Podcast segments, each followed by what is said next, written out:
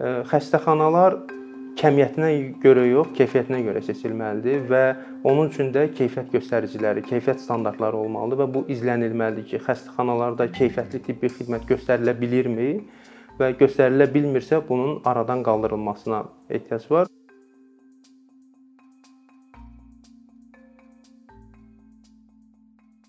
Covid-19 pandemiyası dünyada olduğu kimi Azərbaycanda da səhiyyə sisteminin dayanıqlı olması və gücləndirilməsinin e, vacib olduğunu göstərir.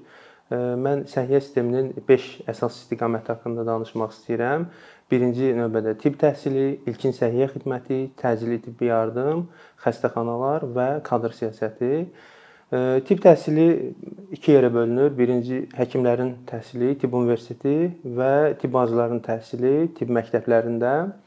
Hər ikisində hər ikisi də vacibdir və hər ikisində xüsusi diqqət yetirilməli olan məqam praktik bacarıqların artırılmasıdır.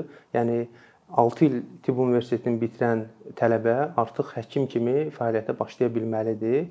Və bunun üçün də böyük işlər görülür. Yəni tibb universitetində Amma bəzən görürük ki, tələbələr xaricə üz tutur. Daha daha çox yəni praktik bacarıqlarını artırılması üçün daha çox Türkiyəyə üz tuturlar. Bu tibb təhsili ilə bağlı, yəni həkimlərin təhsili ilə bağlı, tibb bacılarına gəldikdə isə bütün dünyada artıq tibb bacılarına investisiya daha çox olunur. Nəyə görə? Çünki tibb bacısını yetişdirmək daha az vaxt tələb eləyir. 3 il, 4 il, 5 il belə tələb eləyir, daha az həm də daha ucuzdur. Amma həkimlərin yetişdirilməsi bildiyiniz kimi 10 il, 12 il belə daha uzun çəkir, həm də çox bahalıdır. Onların əmək haqqları da yüksək olmalıdır.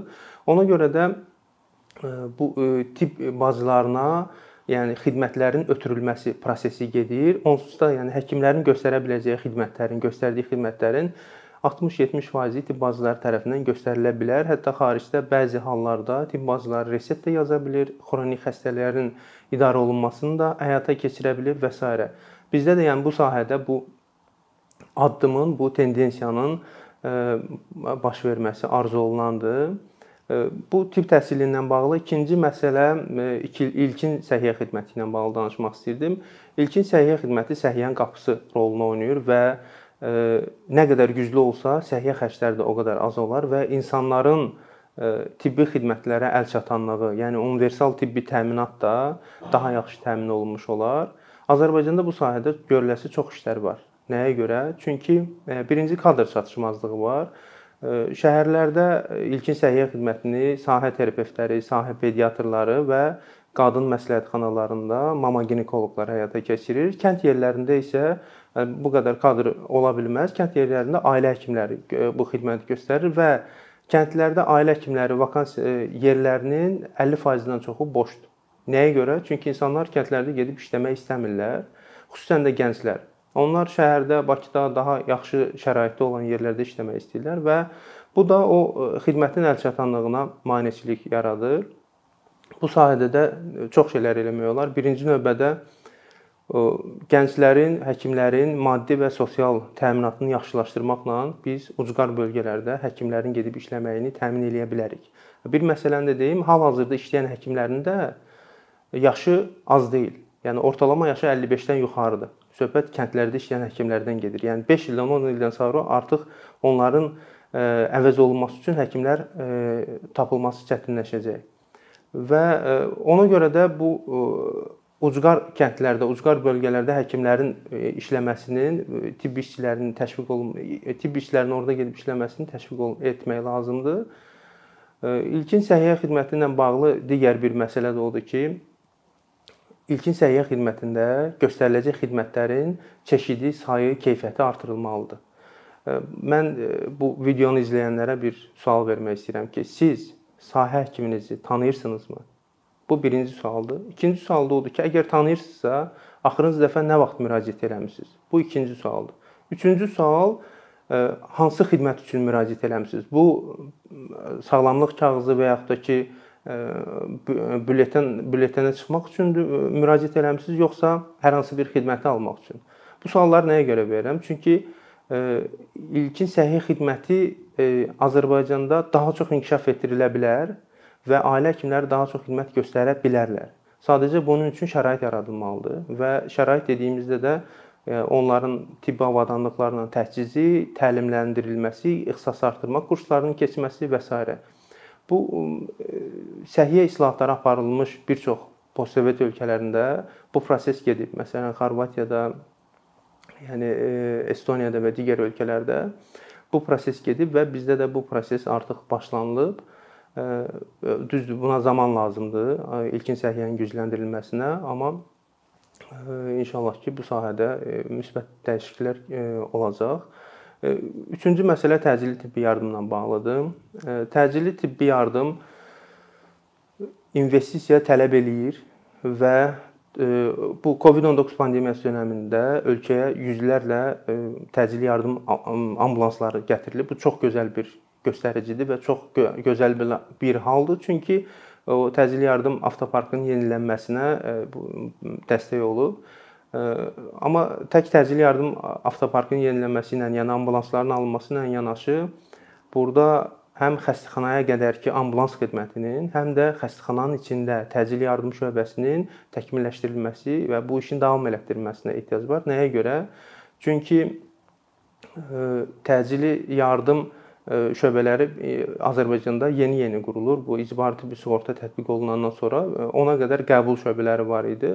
Yəni dünyada da hansı ölkəyə getsəz, Avropa ölkələrində və ya Türkiyədə birinci əgər təcili yardım maşını acil şöbəsinə gedir və oradan sonra xəstə sabitləşəndən sonra digər şöbələrə yönləndirilir. Yəni bizdə də bu prosesi keçid var, amma bu prosesi dayanıqlı eləmək üçün monitorinqə ehtiyac var. Həmçinin də təcili yardım həkimlərinin, həm təcili yardım şöbələrində, həm də ambulansda işləyən həkimlərinin, tibb bacılarının ixtisas artırmasına ehtiyac var. Bu davamlı olan bir proses olmalıdır. Yəni bir dəfə olan proses deyil.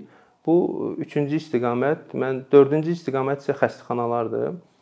Bizdə e, yəni ki səhiyyə sistemi daha çox xəstəxanalara yönəlib, yəni və xəstəxanalar e, xəstəxanalarda da həkimlərə yönəlib. Yəni insanlar xəstəxanalara yox, daha çox həkimlərə gəlirlər və individual olaraq.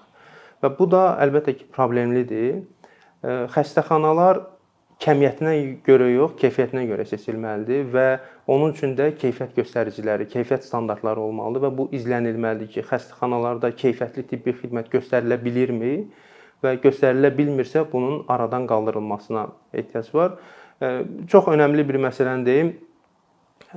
Xəstəxana idarə etməsi başqa bir şeydir. Yaxşı həkim olmaq başqa bir şeydir. Yəni insan bir insan yaxşı həkim ola bilər, yaxşı cərrah ola bilər, amma o demək deyil ki, o yaxşı rəhbər olacaq, yaxşı xəstəxana rəhbəri olacaq.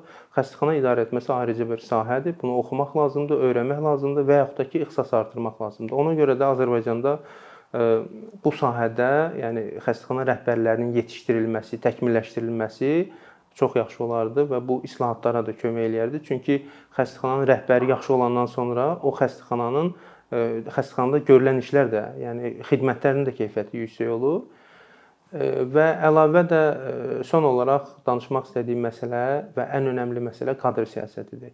Yəni Azərbaycanda da səhiyyə sahəsində islahatlar həyata keçirilir. İcbari tibbi sığorta artıq 1 aprel 2021-ci 21-ci ildən etibarən tətbiq olunur və e, bu da müsbət bir haldır. Misal üçün hal-hazırda e, insanlar e, çox bahalı ürək əməliyyatlarını tibbi sığorta hesabına 1 qəpik ödəmədən ala bilirlər və mənim öz yaxınlarım arasında da, tanışlarım arasında da belə insanlar var. Bu da çox gözəl bir haldır. Çünki 5000, 10000 manat böyük bir xərcdir və bu xərcin dövlət tərəfindən qarşılanması, sığorta tərəfindən qarşılanması ailələrin katastrofik səhiyyə xərclərinin azaldılmasına gətirib çıxarır. Amma bu biz sadaladığımız məsələləri, yəni sahələr üzrə tibb təhsili, ilkin səhiyyə, təcili yardım, xəstəxanalar, o sahədə islahatların aparılmasının fonunda ən önəmli məsələlərdən biri kadr siyasətidir. Çünki yekunda səhiyyə sisteminin növündən, maliyyələşmə mexanizmindən asılı olmayaraq xidməti e, tibb bacısı və həkim göstərir və ona görə də investisiya onlara olmalıdır. E, kadr siyasəti ilə bağlı da e, bir məsələni deyim ki, Azərbaycanda kadrların regional bölünməsi qeyri-bərabərdir. Bunu yəqin ki, təəccüblü olmaz. Həkimlərin 63%-i Bakıda işləyir. 60 cəmi, yəni 37% regionlarda işləyir. Bu da əlbəttə böyük problemlərə gətirib çıxarır. Bölgələrdə xidmət göstərmək çətinləşir. Çünki həkim yoxdursa, cərrah yoxdursa, yəni ixtisaslı həkimlər yoxdursa, o xidməti gərək xəstələr Bakıda alsınlar. Bu bu birinci məsələ. İkinci böyük bir problem və yəni həyəcan təbili çalınmalı olan məsələ gənclərin, gənc həkimlərin ölkəni tərk eləməsidir. Və bu kütləvi hal alır və alıb gənclər Türkiyəyə, Almaniyaya, digər ölkələrə gedirlər, işləyirlər, qalırlar, bəzi hallarda qayıdırlar, amma əksər hallarda orada qalırlar. Bu da Azərbaycan səhiyyəsi üçün qan itirmək deməkdir və bu məsələ araşdırılmalıdır ki, niyə görə gedirlər və necə necə biz bu gənc həkimləri saxlaya bilərik Azərbaycanda. Çünki yəni həkim yetişdirmək çox çətindir və savadlı həkim yetişdirmək çox çətindir. Buna 10 il tələb olunur və bu yetişmiş kadrların itirilməsi beyin axınıdır. Burada mən özüm səhiyyə sahəsindəyəm və tibb universitetini bitirmişəm. Ailəmdə hər kəs tibb sahəsində çalışır. Yəni müəyyən ətrafında da çoxlu, yəni tibb universitetini bitirmiş həkimlər var, xarici gedənlər də var, burada özlərində işləyib mütəxəssis olanlar da var. Yəni insanların getməyinin iki əsas məsələ səbəbi var. Birinci məsələ odur ki, həkimlər mütəxəssis olmaq istəyir. Çünki həkimlik heç kim həkim olub yaxşı pul qazanmaq üçün və yaxud da ki, digər maddi səbəblərə görə həkim olmur. Bu bir sevgidir, istəkdir və həkimlik də şərəfli peşədir.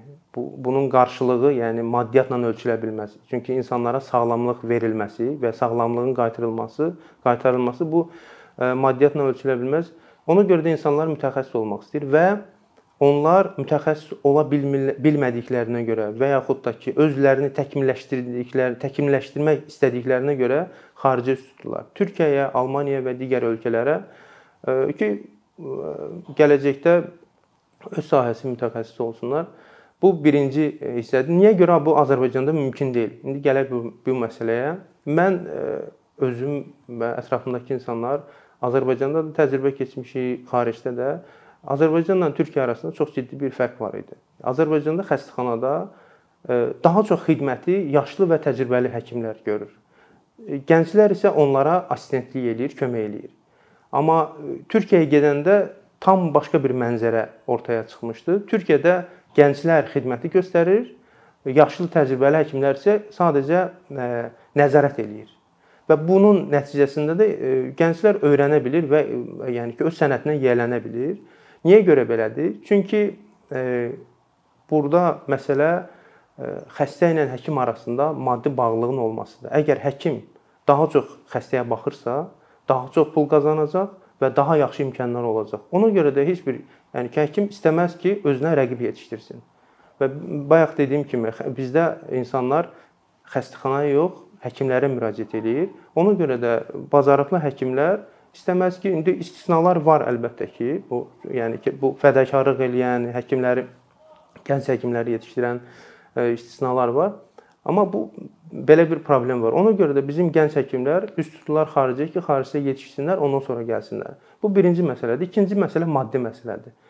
24-25 yaşında tibb universitetini yenicə bitirmiş e, tələbə, yəni ki, həkimliyə başlayır və 300-400 manat maaşla başlayır işləməyə və sonra o evlənməlidir, sonra ailəsi olmalıdır, uşağı və s. və bu bu əmək haqqı ilə də əlbəttə ki, ailə saxlamaq da mümkün deyil, heç özünü də saxlamaq mümkün deyil.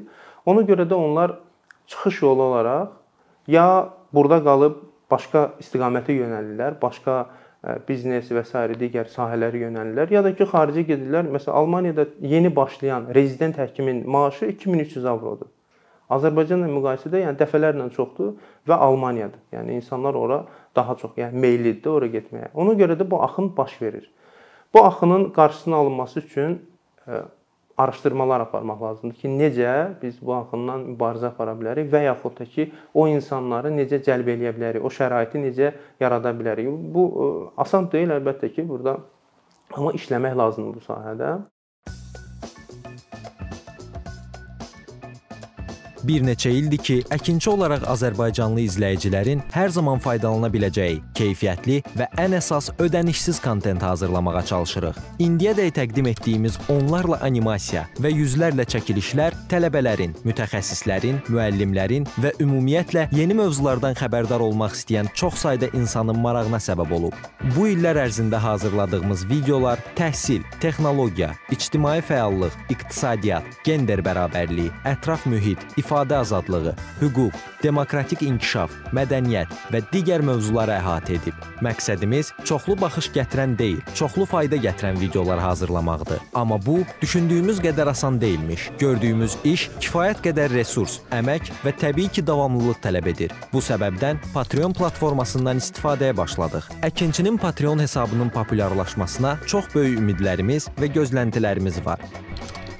Bəziləriniz Patreon haqqında ilk dəfə eşidirsiniz. Əslində çox sadə izahı olan bir platformadır. Təsəvvür edin ki, siz rəssam və ya musiqiçisiniz. Sosial şəbəkələrdə sizi izləyən, işinizi bəyənən çox sayda insan var. Patreon platforması sizə imkan verir ki, izləyicilərinizin könüllü aylıq ödənişləri sayəsində işinizi davam etdirəsiniz. Sərgi, konsert zallarından asılı qalmayasınız. Amma bu təkcə rəssam və musiqiçilərə aid deyil. Məsələn, əkinçiyə bənzər fəaliyyətlə məşğul olan bəzi layihələrin 10 minlərlə patronu var. Biz də düşündük ki, nə üçün əkinçinin Patreon hesabı olmasın? Sizin dəstəyiniz sayəsində biz daha çox və daha keyfiyyətli kontent yaratmağa davam edə biləcəyik. Amma bu dəstək yalnız maddi dəstək deyil. Dəstəkçilərimizin sayının artması gördüyümüz işlərin faydalı olduğuna dair əminlik verir.